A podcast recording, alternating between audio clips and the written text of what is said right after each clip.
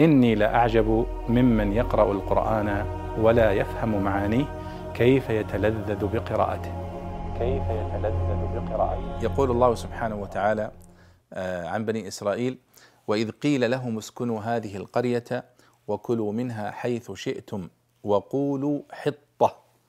وادخلوا الباب سجدا نغفر لكم خطيئاتكم.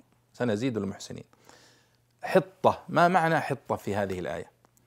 وقولوا حطة. الله سبحانه وتعالى يقول لبني إسرائيل قولوا حطة.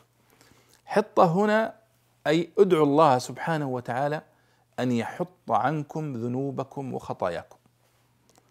يعني احطط عنا يا رب وقولوا حطة. يعني يا رب احطط عنا ذنوبنا وخفف عنا من ذنوبنا التي ارتكبناها. هذا هو معنى وقولوا حطة. يعني قولوا قولا تدعون الله به أن يحط عنكم ذنوبكم وخطاياكم.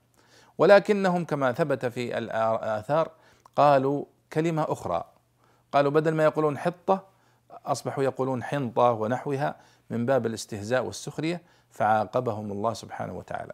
فاذا وقولوا حطة يعني قولوا يا ربي احطط عنا ذنوبنا وخطايانا التي ارتكبناها. فهي دعاء بأن يغفر الله الذنوب ويزيل الذنوب ويحط الأوزار التي ارتكبوها. والله أعلم.